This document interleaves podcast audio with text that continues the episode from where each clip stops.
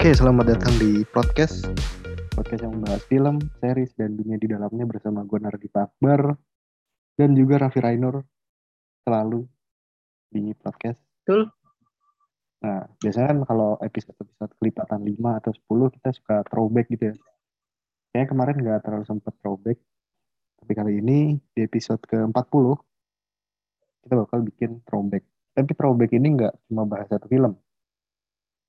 Nah, kita sebagai uh, masyarakat yang lahir tahun 2000-an ya. Betul. Nah, karena kita lahir tahun 2000-an, jadi mungkin kalian yang sama-sama lahir tahun 2000-an bisa mungkin relate ya sama kita-kita di sini gitu. Ngomongin Betul. tentang childhood films, childhood films, sorry. Jadi tontonan-tontonan waktu kecil kayak SD.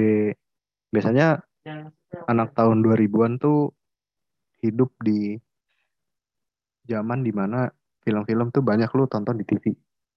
Karena waktu dulu Iya, kan Betul sekali. platform streaming belum rame ya. Belum Oh, ada malah. Iya ya. Adapun mungkin terbatas banget dan juga eh, kaset-kaset mahal dan gak mudah ditemui.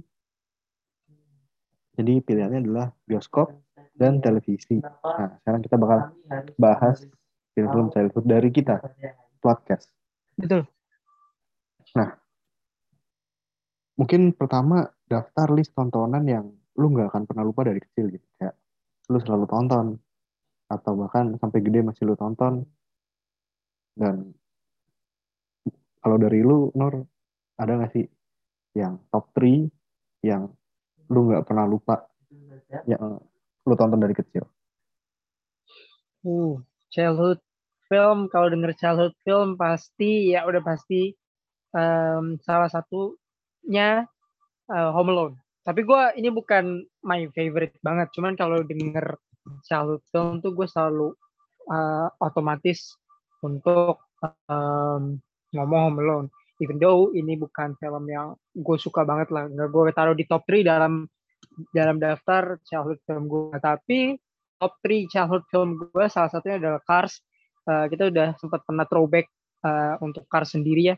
Di episode ke-25 kalau gue nggak salah kita ngomongin tentang Cars eh, trilogy. Tapi yang gue suka adalah Cars pertama. Karena di saat itu gue nonton Cars tuh langsung di tahun yang sama ketika Cars itu tayang yaitu 2006 Eh, walaupun gue nonton waktu itu di DVD ya kaset tadi udah lu sebutin juga even though itu juga bukan Blu-ray atau em, apa pun itu istilahnya tapi gue cukup enjoying dan sampai sekarang gue udah nonton satu ya eh, terutama itu udah lebih dari enam kali kalau gue nggak salah more than that mungkin. Jadi eh, kalau gue sih Cars Cars yang pertama tahun 2000 itu. Yang kedua has to be The Fast and the Furious. Gue itu nonton The Fast and the Furious yang pertama ya bukan yang udah masuk ke semi Avengers ini yang pertama itu gue suka banget nonton itu karena gue punya dulu DVD-nya The Fast and the Furious 1 sama Too Fast the Furious. Film keduanya dari Fast and the Furious. Gue punya dua DVD-nya dulu. So, ya yeah, itu uh, makanya gue sampai sekarang masih suka sama film itu karena ya gue udah nonton dari kecil dan itu punya kesan yang mendalam lah untuk gue pribadi gitu. Cars, The Fast and the Furious, dua-duanya temanya mobil ya. Mungkin gue akan cari film yang temanya agak berbeda deh ya dibandingkan ini. Eh childhood film mungkin um, um, um, film superhero kali ya Spider-Man Spider-Man satu. Itu child- childhood film gue banget. Um, gue masih ingat gimana gue nonton film itu. Eh gue bahkan bisa dibilang cukup hafal sama dialognya.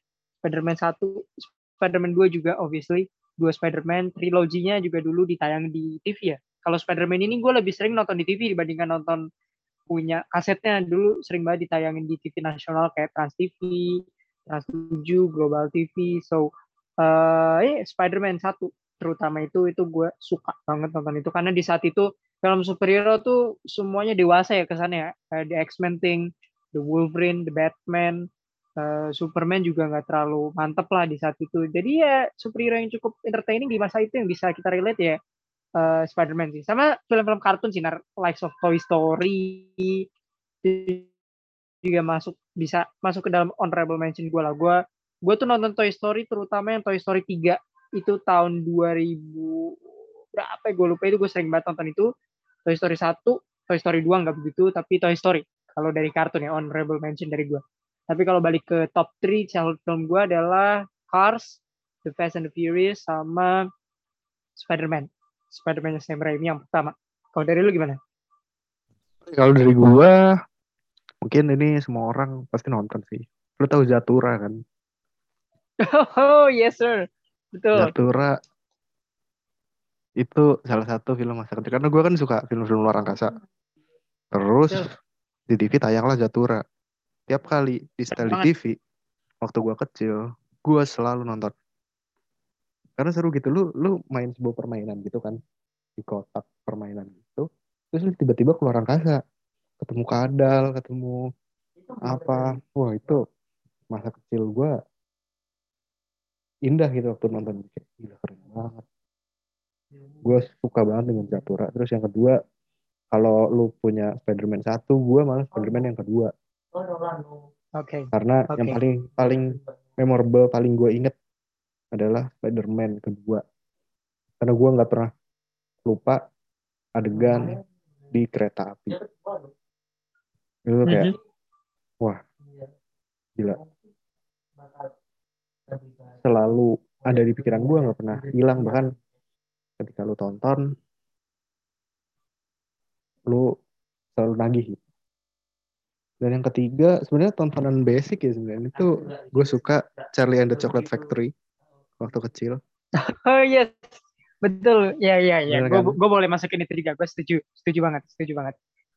ini tuh tontonan masa kecil yang gila seru banget men. Kayak lu nonton kan si tokoh utamanya nggak punya duit gitu kan. Terus dia kayak ngumpulin dikit-dikit beli coklat satu. Terus dapat tiket emas dong golden ticket gitu. Terus masuk ke dunia fantasinya si coklat factory.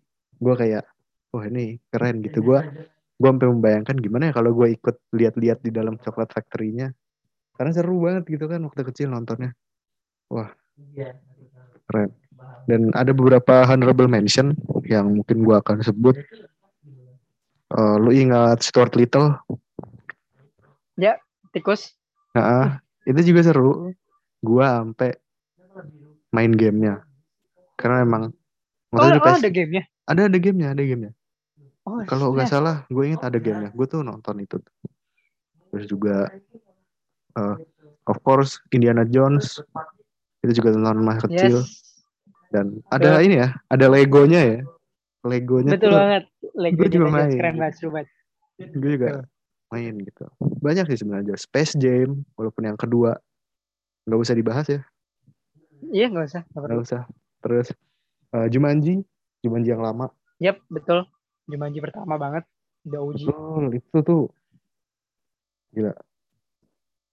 Salah satu itu kayak Zatura kan sebenarnya. Permainan terus keluar di real life. Itu keren sih. Walaupun ada Jumanji yang remake, tetap gak bisa ini ya membawa suasana itu kembali ya. Kayak emang itu udah udah nempel banget. Terus eh, Baby's Day Out itu gue gue kesel sama gue kesel banget sama film itu. bener-bener Nggak kuat gue. sama-sama. Tapi seru kalau ditonton waktu kecil. Keren gak sih di di di masa itu ya? Kayak lu main game, eh lu nonton film gitu.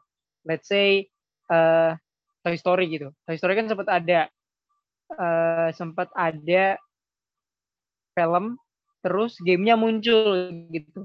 Cars uh, film terus gamenya muncul. Terus kita dibilang Indiana Jones ada uh, gamenya Lego Indiana Jones gitu. Gue tuh kangen banget kalau ngomongin childhood tentang nuansa yang dibangun dari film itu gitu. Ada si video game yang menghantarkan um, film ini gitu. Jadi selain kita nonton film kita bi- bisa main game sehingga kita nonton lagi filmnya apakah eh, apakah game ini akurat dengan apa yang terjadi di filmnya itu itu sih yang gua yang gua apa ya kangenin gitu di masa-masa itu. Kayaknya sekarang jarang banget ya.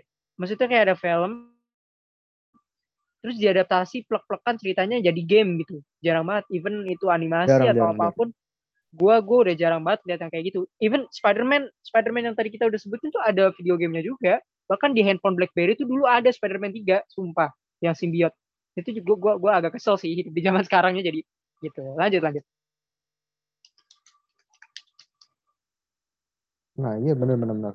Gue juga inget dulu nonton Kung Fu Panda terus ada gamenya di HP. betul Kalau inget. Kung Fu Panda pertama. Itu seru gitu. eh mungkin satu lagi honorable mention. Ini mungkin lu pernah ngehalu juga adalah Richie Rich. Kayak lu ngehalu punya Iya, teman bener. kaya dia gitu kayak film halu film halu Ah, parah itu ha- Film halu parah, halu itu. parah. Ini kayak wah iya gimana ya punya teman kaya raya terus lu diajak main ke rumahnya yang megah. Mungkin jadi temennya aja deh gitu. Jadi temennya aja. Ah, ah, kayak penasaran gitu. Dan mungkin kalau kalian punya film-film masa kecil yang selalu nempel mungkin bisa komen juga nanti ya di Instagram kita ya. Di betul. Podcast B62 bisa langsung ke sana. Dan hmm, setelah yang senang-senang mungkin agak-agak sedikit yang sedih ya. Lu pasti kan oke. pernah nonton film terus lu sedih gitu. Gara-gara filmnya malah sedih. Ini jadi kayak first heartbreak movie. Gitu. mungkin lu ada nggak sih di mana lu nonton terus lu sedih gitu? Tapi lu bisa sedih itu sampai sampai sekarang gitu atau mungkin cuma pas kecil aja? Em, ada satu film masih jadi top 3 film kesukaan gue sepanjang masa. gue berharap kita suatu saat bisa eh, ngebahas film ini di Throw Special. Namanya Pursuit of Happiness. Filmnya Will Smith sama anaknya Jaden Smith. Itu gue dipertontonkan itu sama orang tua gue tahun 2010-an di mana gue masih masih SD lah. SD, SD mau SMP gue masih anggap itu masih tergolong sebagai childhood film dan itu pertama kali gue merasakan apa ya hati gue patah dengan adanya film. Dan mungkin itu film pertama yang membukakan mata gue kalau dunia itu serelate itu gitu akan seperti itu gitu. Uh, kita akan melewati fase-fase seperti itu dan gue di saat itu umur 10, 11, 12 tuh bisa mengerti dengan film yang ada di situ gitu. Selain Spider-Man menurut gue di masa kecil gue paling relate sama film itu gitu. Gue bisa merasakan emosinya gue bisa merasakan kesedihannya kesulitannya struggle-nya hustle-nya yang ada di film itu. Jadi buat lo yang lagi dengerin misalnya coba lo tonton Pursuit of Happiness. Uh, itu film yang keluarin keluarannya tuh kalau gue nggak salah early 2000s atau late 90s iya iya. Tapi salah satu film yang menurut gue timeless banget. Salah satu film favorit gue sepanjang masa gue bahkan menaruh film ini top 3 gue udah nonton film ini empat kali kalau gue nggak salah dan selalu sama walaupun gue tahu bagaimana endingnya tapi uh, selalu relate sama gue so menurut gue first heartbreak movie sih itu ya sama uh, uh, uh, kalau boleh milih lagi paling gue menaruh salah satu film kartun yang cukup menyedihkan menurut gue itu si Toy Story 3 sih. Balik lagi ya gue bisa balikin ke Toy Story 3 karena itu tuh kayaknya kartun yang buat gue let down banget gitu. Gue satu-satunya kartun atau mungkin kartun pertama yang bikin gue berpisah secara emosional gitu. Gue seakan punya temen ketika nonton Toy Story mainan-mainannya walaupun ada Toy Story 4 ya tapi menurut gue di saat itu Toy Story 3 is- pertama kali salah satu film animasi pertama yang cukup membuat gue eh, eh, sedih sih. So ya itu salah satu heartbreak movies pertama gue di saat gue masa kecil gitu. Kalau dari lu gimana Nar? heartbreak movie pertama ya Hachi lah kalau masih Oke. ingat Oke.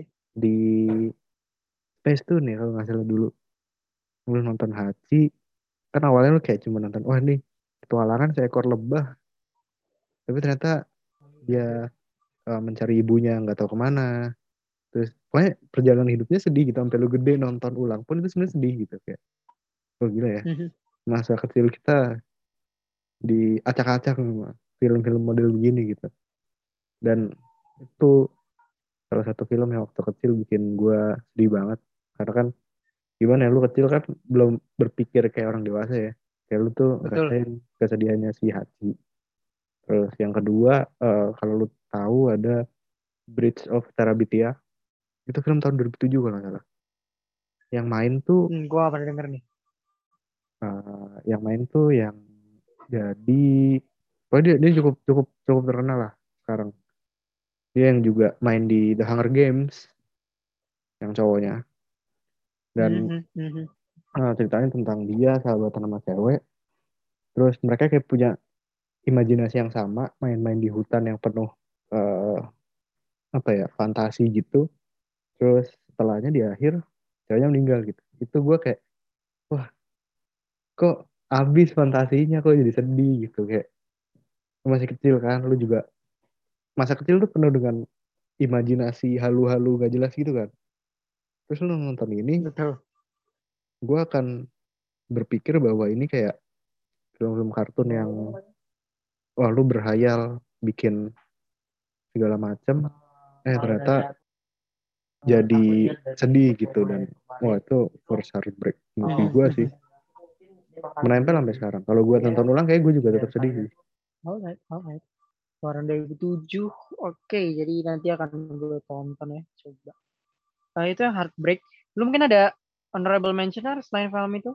Atau di childhood di childhood lu tuh emang filmnya bahagia bahagia semua Enggak sih ada ada juga sih yang sedih-sedih. Hmm, susah ya ya, kalau mikir sedih soalnya Iya. kayaknya dulu film-filmnya happy happy banget gitu.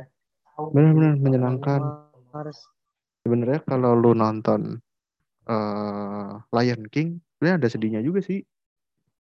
Ngerasa gak sih? Kayak oh iya. Iya kan? Iya iya iya benar. Lion King sama Up.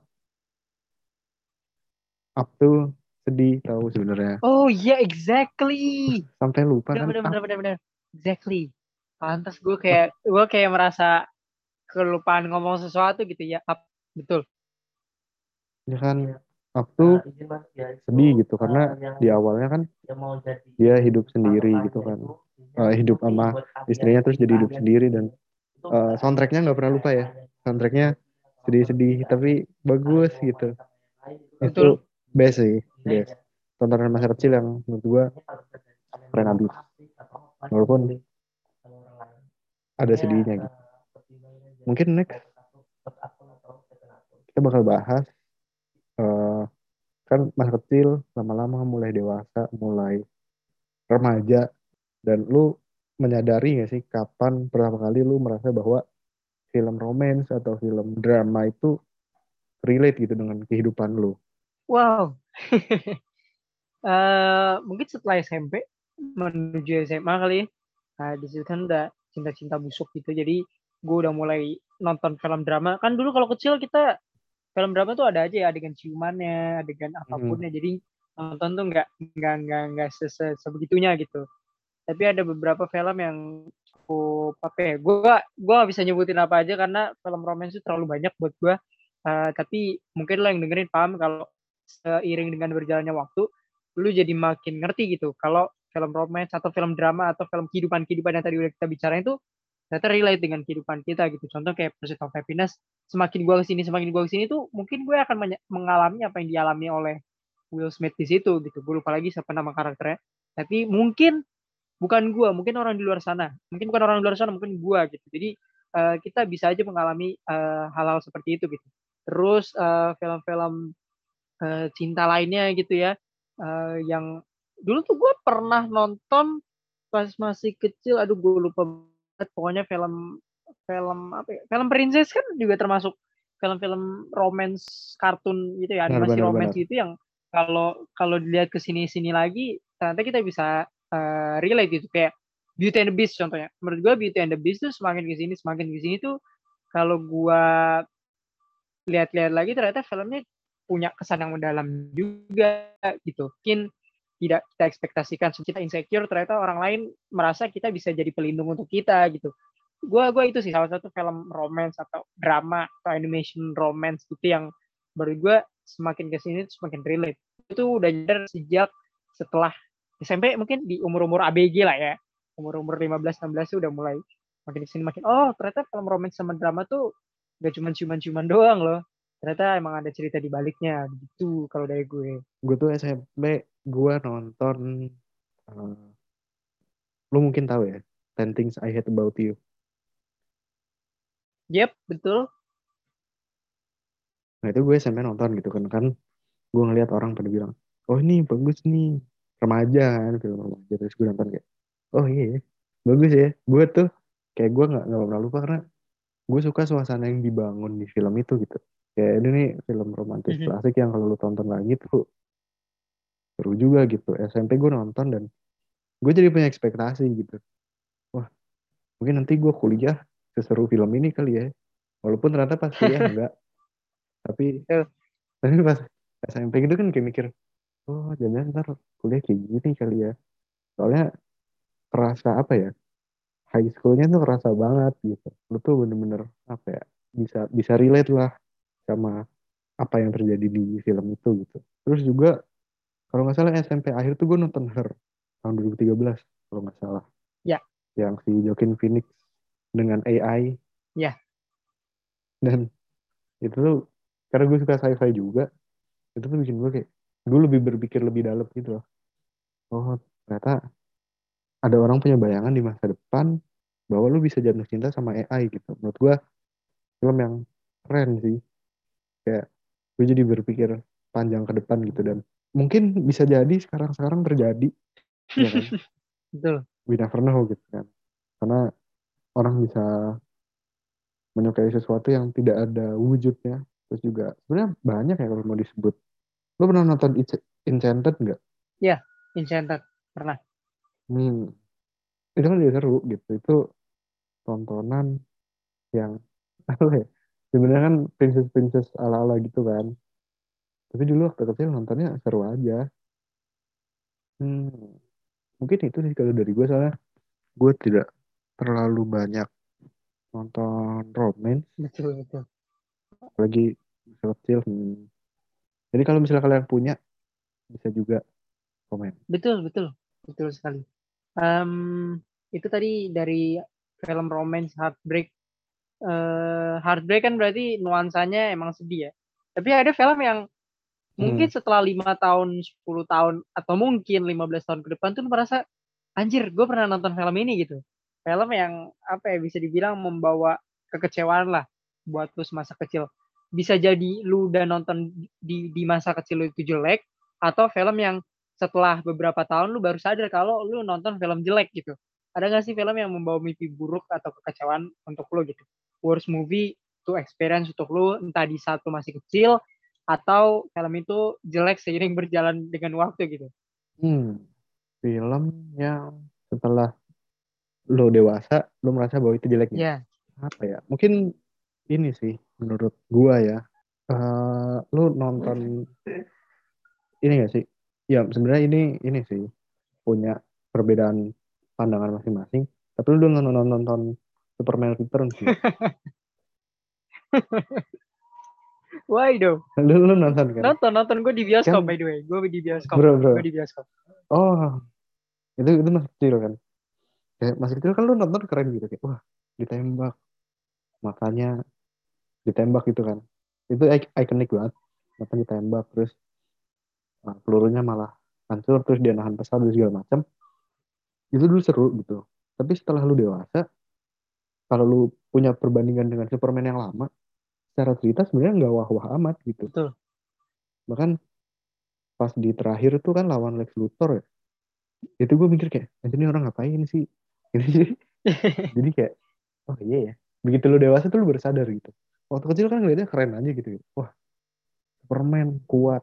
Tapi setelah dewasa walaupun dramanya lumayan enjoyable tapi ya ceritanya nggak wah-wah banget. Apalagi eh, lu pernah lu dewasa lu nonton Man of Steel juga lu nonton Superman and Lois lu bakalan merasa bahwa oh, Superman Returns emang ternyata nggak sebagus waktu gua tonton pas kecil ya karena udah mikirin jalan cerita udah mikirin oh acting acting pemain tuh bisa dinikmati atau enggak gitu Oke, oke. Superman Returns ya. Ada lagi di luar superhero mungkin? hmm. apa ya mungkin lu dulu deh siapa tahu gua ingat lagi Oke. gue juga ngambil satu sampel dari superhero juga. Eh, tadi lu ngomong Superman ya. Ini gue sering banget sama adik gue dulu nonton film ini. Kita punya DVD-nya dan eh, bisa dibilang Overwatch lah. Gue tuh sering banget sampai even in some point gue apal dialognya film ini. Batman and Robin. Bro, that was ass, bro. Setelah setelah gue ke sini sini gue sempat nonton satu kali lagi di masa di masa-masa kini gitu. Entah gue lupa dua tahun yang lalu. Ternyata memang that bad gitu. That Batman is bad tuh uh, film sebelumnya kan itu bisa dibilang sequel dari film Batman Forever kan. Lihat dari si uh, Robinnya si Chris O'Donnell kalau gue salah main tetap sama. Alfrednya sama ininya sama gitu. Tapi that movie was straight up bad gitu. Menurut gue gue bahkan nggak ngerti kenapa kita punya film Batman yang kayak gitu gitu. Gue masih nggak ngerti dan dulu pas masih gue kecil karena gue pikir ya Batman dan Robin kan ikonik gitu ya. Apalagi gue dulu main Lego Batman jadi gue merasa kayak Batman gak harus gila-gila banget gitu. Tapi kan seiring berjalan dengan waktu lo nonton lo nonton Christian Bale lo nonton uh, Batman yang lebih gelap di animated lo nonton Ben Affleck. After you looking back gitu ya kita pernah punya Batman si George Clooney itu menurut gue gue masih gak ngerti gitu kenapa dulu gue bisa suka sama film itu dan setelah gue pikir-pikir lagi that's just bad gitu. Jelek jelek gitu. Bener-bener jelek dan kayak what the hell gitu. Tapi untuk ditonton anak-anak sebenarnya nggak bagus-bagus juga nar karena di situ tuh udah musuhnya Poison Ivy kan? Poison Ivy kan selalu digambarkan sensual gitu lah. Menurut gue film itu tuh dikonsumsi anak-anak terlalu vulgar dikonsumsi orang dewasa terlalu jelek gitu. Ceritanya jadi memang memang film itu tuh jelek gitu Batman and Robin. Kalau bisa lu tonton lu silakan tonton lagi deh. Di situ juga debut dari uh, Batgirl ya. Nanti kan ada film Batgirl. Di situ sempat debut tuh Batgirl di situ. Dimainin sama Alicia Silverstone. Film itu tuh Batman musuhnya tiga. Bayangin Batman musuhnya tiga paling banyak musuhnya Batman dalam satu film itu di situ tiga. Bane, Poison Ivy sama uh, Mr. Freeze. Jadi ya it's it's unique ketika masih kecil tapi ketika gue pertama dewasa itu that movie was straight ass gitu setelah dipikir lagi terus uh, film menurut gue yang agak gue sesali gue pernah nonton itu adalah gue pernah nonton ini lagi sejak gue nonton pertama kali di Global TV menurut gue Pirates of the Caribbean gue gak tahu banyak orang di luar sana yang suka Pirates of the Caribbean. Tapi gue tidak sangat sangat menurut gue itu bawa pengalaman buruk gue gak suka genre filmnya I don't really like uh, budget clouding. Jadi menurut gue uh, si Pirates of the Caribbean adalah salah satu film yang mungkin gak jelek ya tapi membawa kesan buruk sih buat gue gitu. Uh, I don't know man karena gue gak suka film-film bajak laut dan filmnya agak terlalu aneh. Gue lupa ada pengalaman apa tentang film ini cukup aneh So Pirates of the Caribbean sama Batman. Satu film lagi menurut gue yang ini honorable mention sih. Yang menurut gue jelek ya. Kayak plain bad gitu. Setelah gue tonton Peter Pan, man. Lo pernah nonton gak sih Peter Pan? Peter Pan yang Peter Pan pernah, yang pernah, pernah. Uh, film gitu, yang yang live action. Peter Pan tuh plain bad, man. Plain bad gitu. Uh, gue gak tahu kabarnya kan sempet ada kabar kalau Peter Pan bakal di remake lagi. Tapi setelah tonton itu tuh anjir cringe banget, gila. Gue nonton itu sering banget dulu terus uh, setelah gue tonton lagi gila cringe banget anjir. Tapi seru sih kalau ditonton lagi membawa sisi nostalgia ya. Tapi kalau bener-bener lo invented waktu lo untuk nonton Peter Pan itu menurut gue not really not really good idea sih. Karena kalau dan lagi cringe banget nontonnya. Jadi ya namanya film fantasi fiksi gitu ya. Jadi wajar kalau kesannya cringe setelah beberapa tahun sih. Itu dari gue sih. Batman and Robin Pirates of the Caribbean gue okay, keberapa uh, sama honorable mentionnya Peter Pan. Peter Pan was bad man. Dan cringe sih, cringe, cringe, cringe banget. Hmm. Bagian Peter Pan udah jadi Noah ya. Waduh. Oke. okay. Uh, lu kecil pernah nonton Spy Kids gak? Uh, itu tuh model-model ini loh. Spy Kids tuh model-model film-film anak kecil yang low budgeting gitu loh. Sama lu tahu selain Spy Kids tuh ada Sky High. Gua lupa itu tuh film superhero yang di sekolah-sekolahan itu. Model-model gitulah pokoknya. Kayaknya lu kalau bilang itu jelek, gue setuju banget sih. Satu juta persen gue setuju. No, no. Gue menurut gue Spy Kids masih enjoyable. Masih enjoyable. Oke. Okay. Tapi ada satu lagi okay. tuh juga rame. Yaitu The Adventures of Shark Boy and Lava Girl. itu tuh pengen 3D 3D ala ala gitu kan tapi kalau lu udah itu seru kecil, bro sorry nah, sorry unpopular opinion menurut gue itu seru menurut gue itu seru waktu kecil lu nonton seru gitu tapi begitu lo udah dewasa cringe Ya, juga ternyata ya kayak kalau mau ini banget nih atau mau maju si Shark Boy-nya werewolf wannabe banget nih kayaknya Jadi, A B Waduh.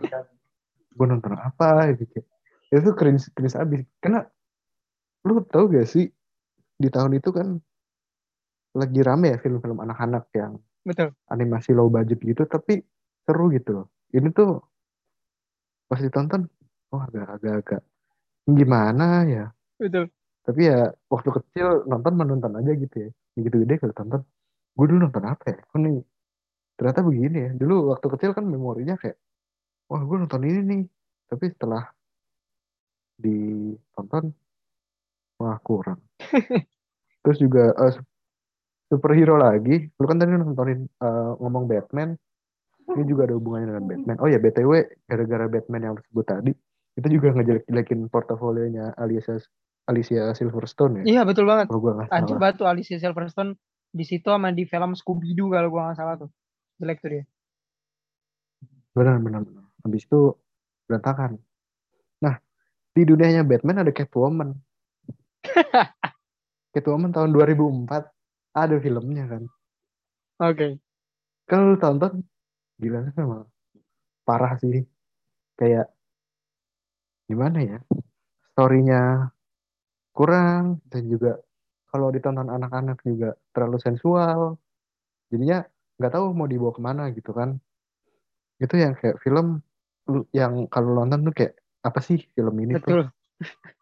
Ya kan lu, lu, lu pasti juga punya perasaan yang sama terus hmm, ini apa ya kayak semacam honorable mention lu nonton The Mask nggak Bro, that was good man. Menurut gue itu bagus sih. iya The Mask The Mask bagus The Mask bagus Jim Carrey keren terus dibikin Amin. sequel sequel ada Son of Amin. the Mask Itu baru.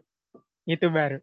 ini itu kayak maksa banget gitu kayak The Mask kan seru ya kayak konyol terus unik gitu. Tapi Son of the Mask tuh kelihatan maksa gitu. Dan kalau nggak salah eh, Jim Carrey-nya nggak ada ya? Atau Jim atau dia udah nggak jadi Uh, Son of the utama Mask lah? tuh nggak ada, nggak ada, nggak ada cintanya.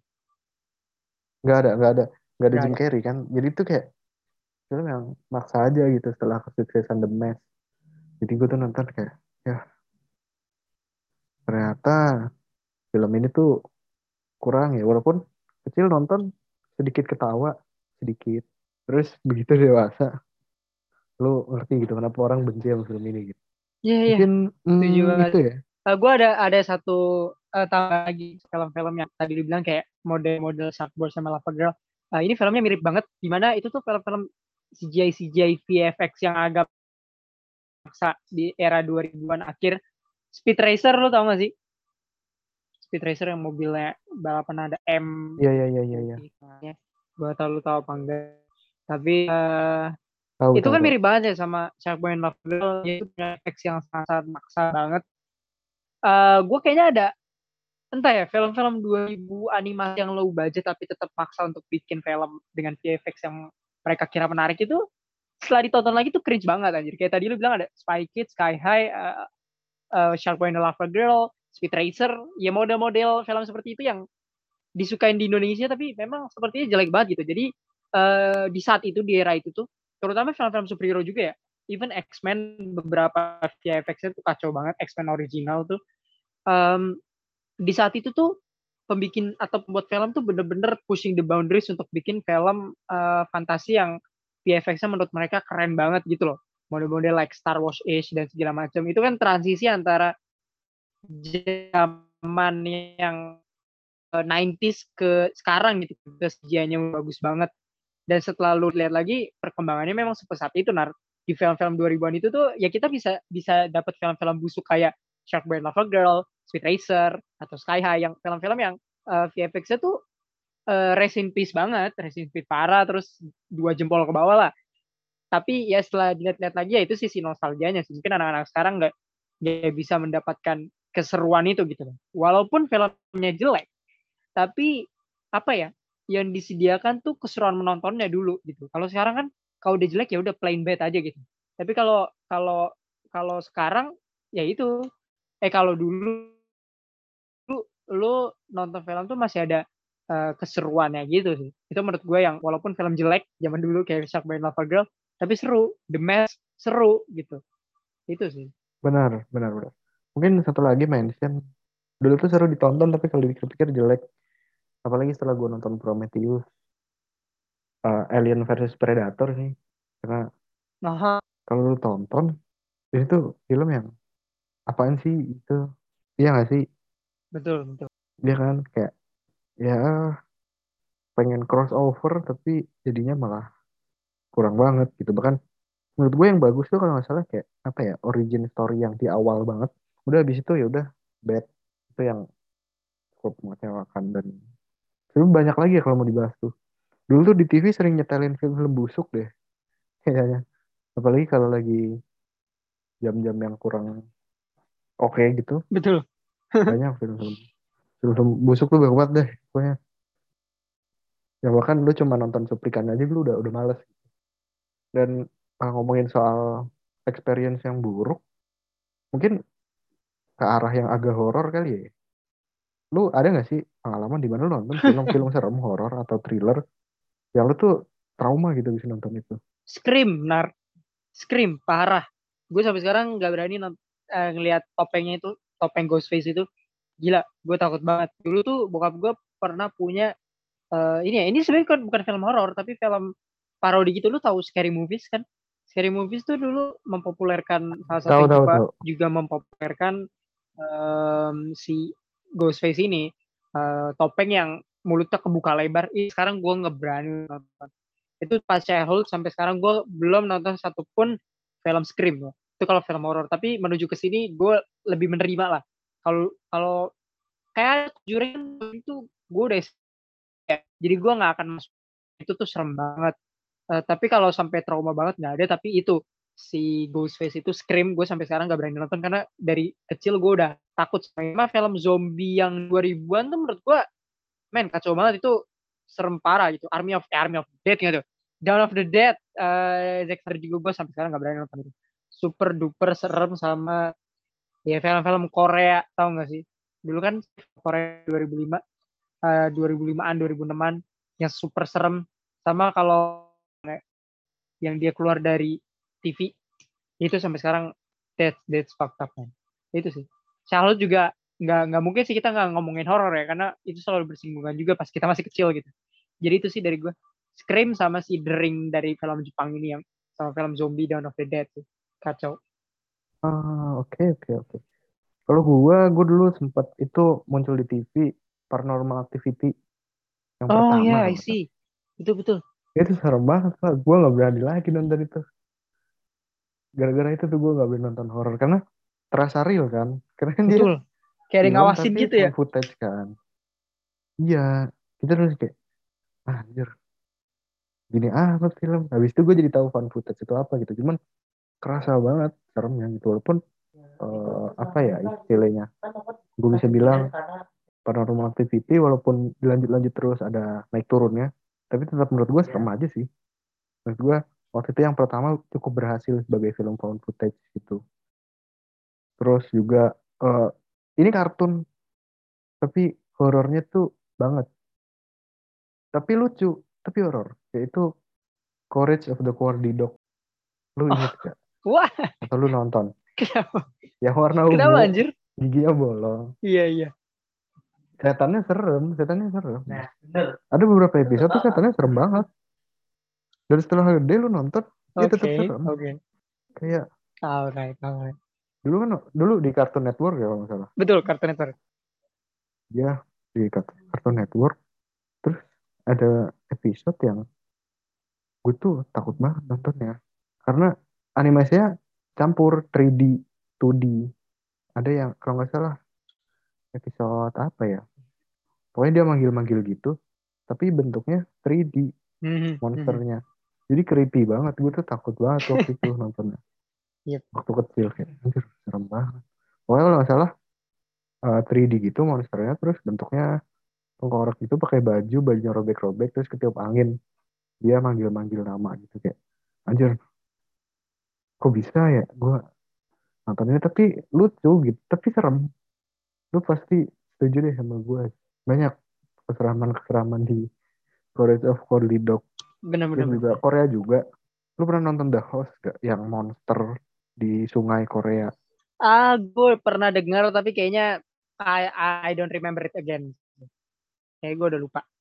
itu filmnya Bong Joon Ho itu juga itu serem menurut gua. Lumayan waktu kecil. Tapi begitu gede gak serem tapi waktu kecil tuh serem kayak lu kejar-kejar monster dari entah dari mana tiba-tiba di sungai terus lu dia ngebunuhin banyak orang gitu kayak oh, gila ya serem juga gitu sebenarnya gue bisa bilang banyak film-film eh, tahun 2000-an awal dan late 90 itu Kacau, Nar. serem-serem gitu Kacau, asli.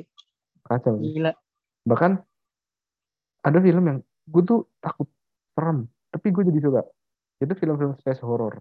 Space horror tahun 90-an kan lumayan banyak. Mm. Event Horizon. Yep. Event Horizon tuh serem habis tapi seru gitu pas ditonton kayak wah ada teori-teori dan segala macam tuh gue kayak gila sini film. Memang serem. Gue juga pernah nonton Screamer. Kalau lu tahu Screamer tuh eh, sebenarnya nggak horor sih lebih ke sci-fi horror gitu karena robot tapi dia bisa teriak kencang banget. terus keluar giginya gitu. Oh, serem. Tapi oke. seru seru. Kayak oh iya seru juga gitu setelah ditonton. Dan oh, mungkin film-film kayak vampir-vampir 30 Days of Night kalau salah. Itu ceritanya 30 hari gelap di daerah dingin gitu terus banyak vampir berkeliaran dan vampirnya bisa ngomong punya bahasa sendiri. Yap. dan itu itu serem banget sih. Itu cukup traumatis tapi bagus filmnya. Menurut gua 30 Days of Night. Jadi eh, itu sih film-film yang serem habis yang mungkin kalau Nah ini gue, sorry, gue ada satu, satu, eh gue gak tahu ini nyebutnya sequel atau franchise atau apa pun, tapi gue yakin seluruh orang misalnya ada yang dengerin ini sampai menit ini, pasti lu setuju kalau itu di masa gue nonton ini tuh gue umur 8 sampai 10 tahun ya. Final Destination. Bro, that's totally benar-benar up bro. Itu bukan film horor, itu bukan film thriller, itu lebih ke gue gak tahu cara nyebutin genrenya. ya. Tapi menurut gue terutama Final Destination ketiga ya yang roller coaster itu itu kan sering banget diputar di eh, TV nasional ya di di Indonesia di jam-jam 9 gitu loh. Itu menurut gue itu kacau men. Walaupun banyak censorshipnya, tapi the building of the story itu gila sih menurut gue. Final Destination it's top notch film paling traumatis. Tapi nggak seperti film-film yang kita sebutin ya. Gue masih mau untuk nonton lagi gitu karena in some way seru gitu ya. Jadi ada ada ada sisi adiktif untuk lu nonton lagi walaupun lu agak trauma kalau nonton itu jadi was-was gitu kayak, kayak kayak tadi Nara kan bilang paranormal activity ya. Nah, paranormal activity Nara itu Final Destination bagi gue gitu. Gue sempet ada fase di mana gue nggak mau nonton Final Destination karena saking traumanya dan was-wasnya gue pada saat itu itu gue umur 9 sampai 13 tahun. Eh gue nggak berani nonton Final Destination karena seserem itu dan sempet dibicarain di sekolah gue gitu. Film itu gitu. Gue lupa either itu SMP atau SD karena di saat itu benar-benar Final Destination tuh salah satu film kekerasan dan tanda kutip yang orang suka gitu. That's crazy gitu. Final Destination sih menurut gue. Satu lagi. Mungkin orang-orang setuju sih dengan ini.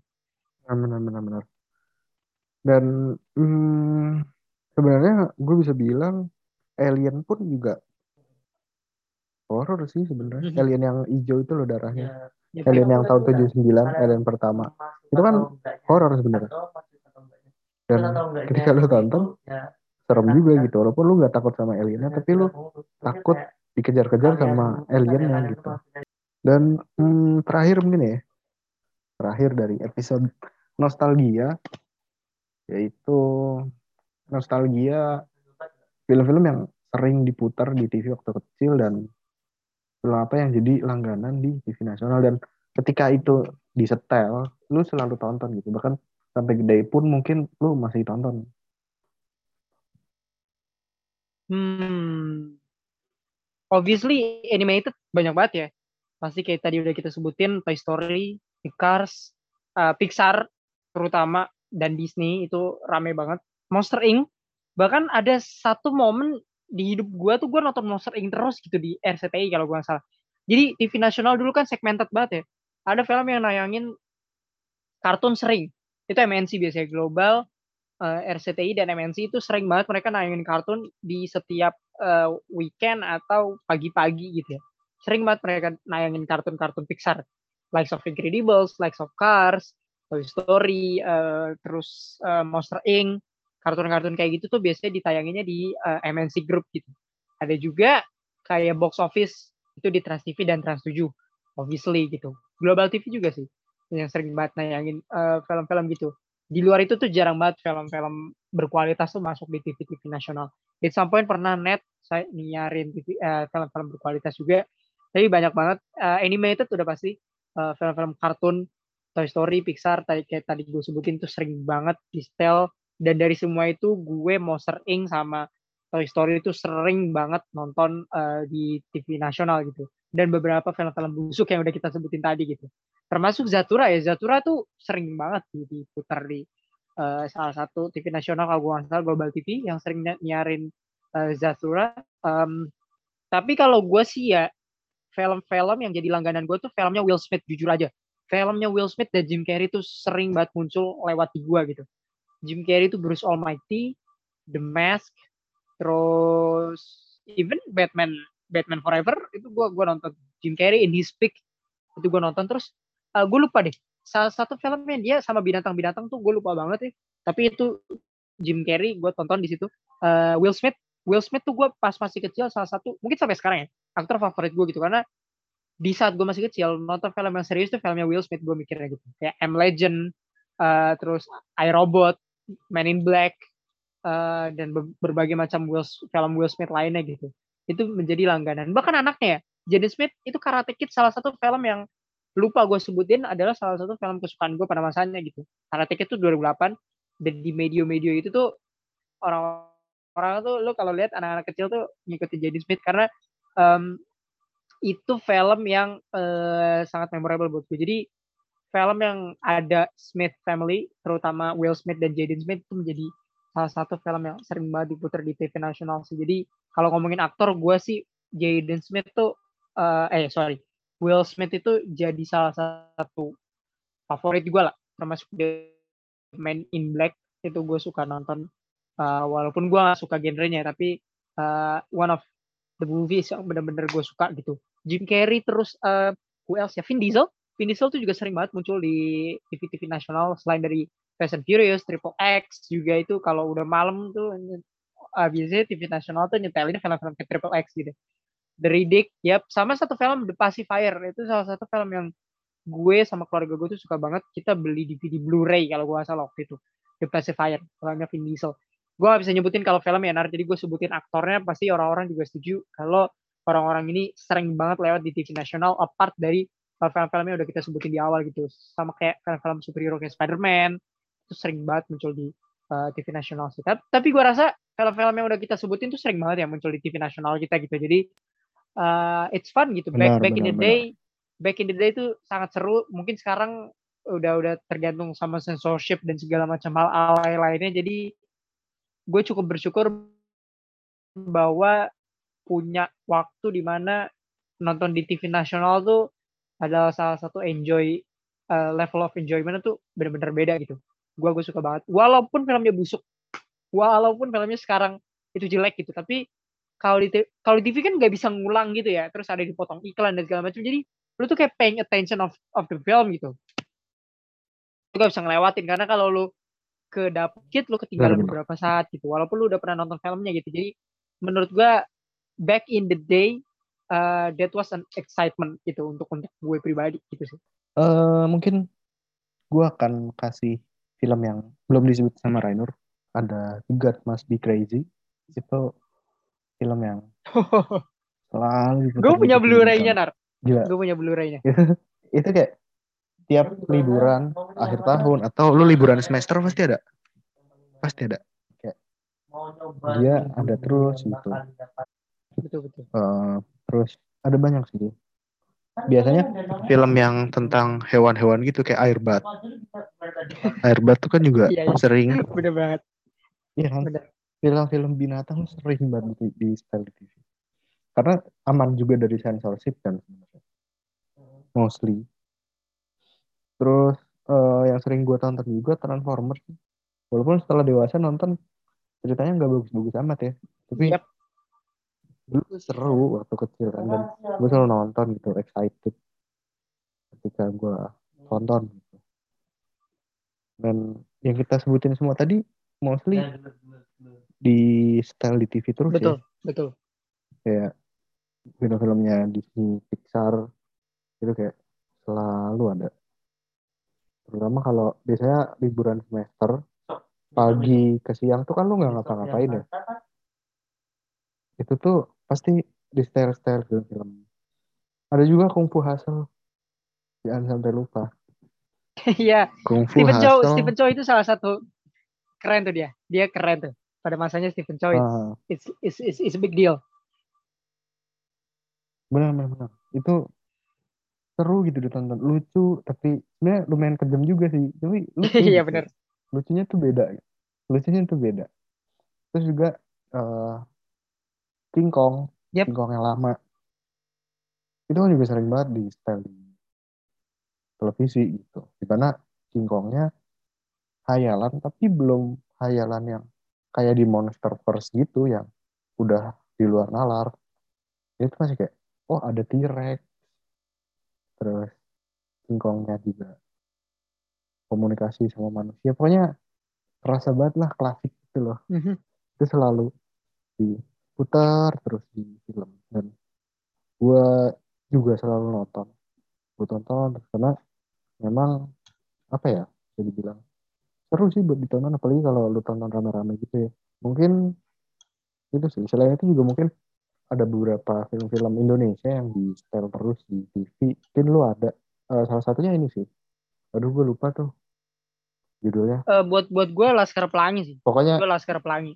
That's that's oh ya benar-benar that's the thing sih. Laskar Pelangi, terus film-film kayak Garuda di Dadaku, terus King, film-film olahraga tuh lumayan banyak genre rating sih gue rasa ya. Itu salah satu yang yang sering Bener. banget. Film-film perjuangan di di di di Agustusan terus juga sering eh, diputer. Gue sih sorry to Mhm. say banget ya, gue pada pada masanya tuh jarang banget untuk film Indonesia kecuali memang itu sangat-sangat memorable dan isinya anak-anak gitu. Tapi kalau udah dewasa-dewasa tuh gue jarang banget. Maksudnya film-film yang ada orang dewasanya tuh gue jarang banget nonton. Kayak Petualangan Sherina kan, pada masa itu kan anak Ah, kecil juga kan. petualangan Serina seru eh. Terus yang kalau yang kalau yang ada isinya orang dewasa semua tuh gue jarang nonton gitu. Gue gue nontonnya seringnya yang ada anak-anaknya gitu. Kayak Garuda di dadaku kan perjuangan anak seumuran gue kan waktu itu umur 10 tahun, 12 tahun untuk eh, Hmm. menuju eh, level teratas di sepak bola gitu. Itu sih gue gue film-film yang kayak gitu. Laskar Pelangi itu kan ini menurut gue salah satu film yang one of the best film yang pernah gue tonton ya kalau ngomongin film Indonesia. Gue udah nonton Laskar Pelangi itu udah lebih dari empat kali. Eh, jadi ya en- enjoy enjoy enjoyment banget. Ya benar. Kadang-kadang juga suka ini ya nyetel ulang Warkop DKI Iya bener. kalau di TV. Walaupun makin sini sensornya makin banyak ya. Kalau lu rasa eh, karena kan ada beberapa jokes yang mungkin sensitif jadi dipotong ya segala macam. Jadi ya mungkin nggak senikmat lu nonton original filmnya gitu. Dan kalau lu sadari film-filmnya. Fedi Nuril tuh banyak banget di setel di TV. Banyak Iya kan? banyak benar benar Banyak banget. banyak banget. apalagi menuju menuju lebaran tuh wah udah isinya Fedi Nuril gitu. tapi ya karena memang disukai banyak orang Indonesia. Kayak ayat-ayat cinta dan banyak lagi. Jadi sering style gitu untuk film-film Indonesia. Mungkin juga beberapa ini sih eh, horor-horornya Susana. Itu juga sering diputar ulang kan di TV Yap. kadang aku nonton itu misalnya biasanya sih liburan ya paling banyak tuh liburan. Liburan tuh banyak banget film-film lama diputar lagi. Terus film-film yang mungkin baru juga di setel. Dan itu menemani masa kecil kita semua gitu. Di mana dulu kan platform streaming nggak banyak segala macam. Hiburan lo adalah di TV gitu. Dan di TV lo nggak bisa milih lo nonton apa yang ada gitu. Mhm, mhm. jadinya sebenarnya petualangan akan film tuh bisa jadi lebih banyak di zaman kecil ketika lu nonton lewat TV Yep. karena lu nggak bisa milih kan? Betul lu cuma bisa ngikutin apa yang ada di TV mungkin ada tambahan Um, nah, dari gue cuman ya thank you banget Nara udah came up with the idea untuk bahas ini. Jadi ya kita bisa nostalgia nostalgia dikit. Dan ya seperti biasa tiap 5 episode sekali kita akan ngomongin film-film yang sudah uh, ditayangin beberapa tahun lalu gitu. ya. Jadi kalau lu denger ini dan tertarik untuk ngebahas film sama kita atau tertarik untuk kita ngebahas film saran lo, lu boleh komen atau DM kita di @podcast by plus 62 untuk film-film yang sekiranya seru kali ya kalau dibahas di sesi throwback spesial kita setiap 5 episode sekali gitu sih. Dan komen juga kayak film eh, favorit lo yang lo tonton dulu eh, atau film childhood film favorit lo dulu kayak kita gitu atau film pertama yang bikin lo nangis di masa kecil atau film yang membawa experience buruk untuk lo atau mungkin film-film yang menjadi langganan ketika lo tonton dulu di TV nasional just comment down below. Gak apa-apa filmnya mau busuk juga gak apa-apa. Yang penting experience penonton pas masih kecilnya tuh masih ada gitu. Jadi syarat untuk anak-anak uh, kelahiran 96 sampai 2002 yang pernah experience uh, hal ini gitu. dan mungkin segitu aja untuk episode 40 kali ini Betul. kalau kalian juga punya throwback atau film-film yang nostalgia waktu kalian kecil. Mungkin juga dari generasi yang berbeda. Entah lewat TV, Blu-ray, bioskop atau bahkan mungkin layar tancap karena kan pengalaman orang beda-beda. Betul. bisa langsung komen aja di at podcast by plus 62 share juga ke teman-teman kalian. Siapa tahu punya pengalaman yang sama. Jadi thank you udah nonton. Sampai ketemu lagi di episode berikutnya Cheers.